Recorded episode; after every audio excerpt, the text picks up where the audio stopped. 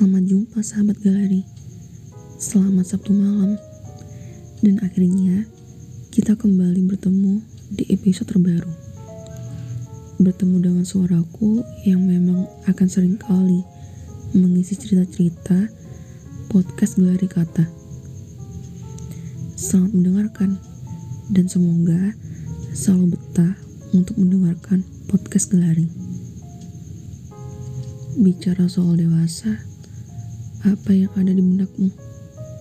Tumbuh, berubah jadi lebih baik, berubah yang tak hanya dari penampilan, namun dari segala pola pikir mungkin, atau proses tumbuh itu untuk tak lagi kembali ke masa lalu. Mungkin akan ada banyak pikiran yang menebak tentang kedewasaan. Mungkin juga kamu mengerti akan bagaimana dewasa itu terjadi. Pernah berpikir jika dewasa itu terjadi di usia 20 tahun ke atas atau 17 tahun berikutnya? Terus apa yang kamu tahu tentang bagaimana pendewasaan? Tumbuh.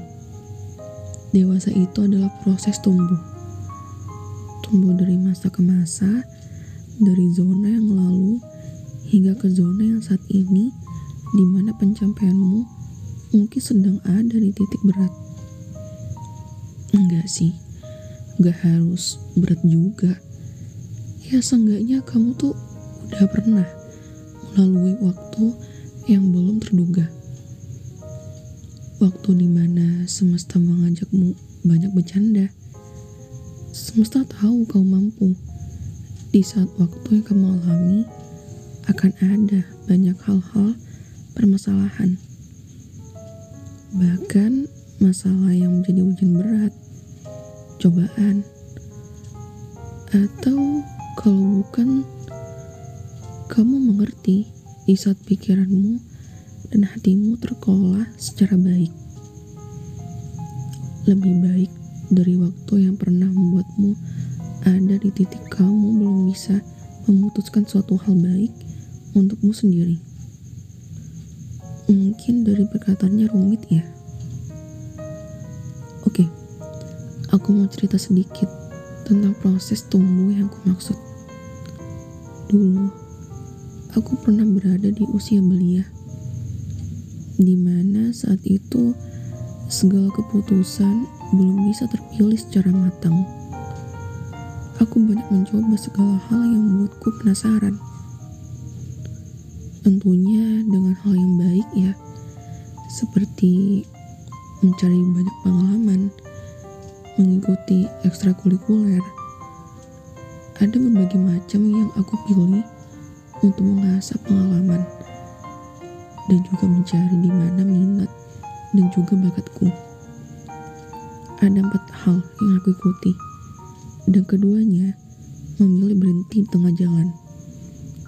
Yang satu malah tertolak dengan takdir, dan yang satu pula aku bertahan memilih berkecimpung dalam dunia kepenulisan hal yang membuatku senang dan gak hanya senang semata tapi membuatku hidup.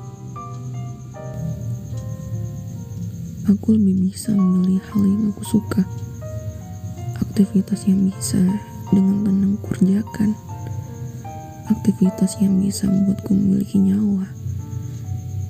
Karena tanpa menulis, nyawa, hidup, dan bahkan hal yang membuat diri bangkit dan tersenyum itu hilang. Dari sana aku menemukan hal yang membuatku bisa memilih minat dan bakat.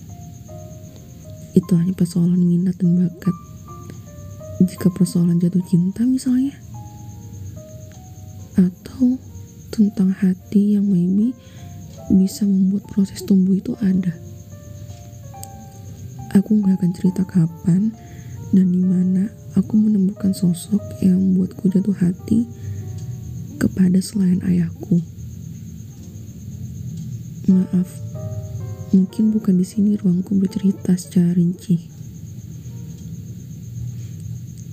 Tapi yang jelas, dari persoalan hati, hanya terdapat seorang yang berhasil membuatku maku dan bertahan hingga bertahun-tahun.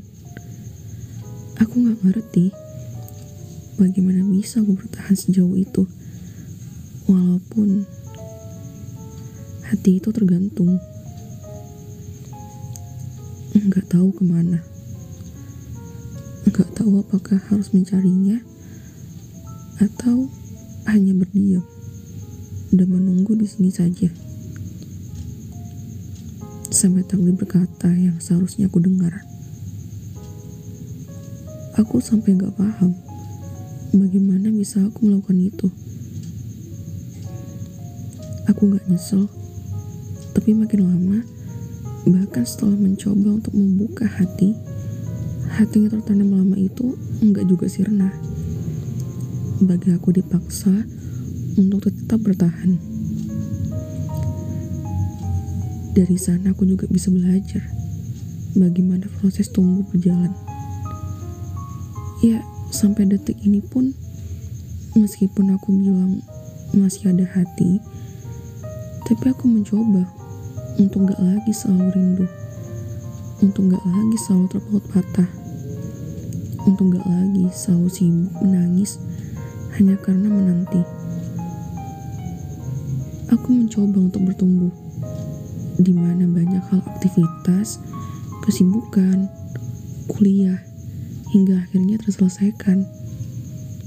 Menulis banyak hal, mengisi konten, ataupun podcast yang senantiasa saat ini menemaniku melangkah. Dari situ aku bisa tahu bagaimana aku mencintai diriku terlebih dahulu. Mencintai hal-hal yang mungkin menjadi kelebihanku, kesukaanku, dan lebih meningkatkan apa kemampuanku secara baik. Hal hati yang dulu pernah mengusik, gak lagi selalu mengusik keterlaluan. Ada beberapa proses untuk para insan yang merasakan bagaimana tumbuh dengan baik. Bisa dengan hal memataskan diri, memataskan hati, belajar, memutuskan apa yang akan dipilih. Belajar dari kehidupan semesta yang kala ini banyak sekali garis ceritanya. Aku pun sedang berada di titik itu. Titik di mana belajar dari sebuah proses. Mungkin aku belum bisa dikatakan dewasa ya. Namun aku masih belajar dan mencoba memahami makna. Pelan-pelan, kamu juga bisa melakukannya. Karena semesta aja tahu, kamu gak hanya sekedar mampu, namun juga baik. Thank you telah mendengarkan podcast episode ini. Dan sampai jumpa di episode berikutnya. Semoga kamu mengerti apa yang menjadi ceritaku saat ini.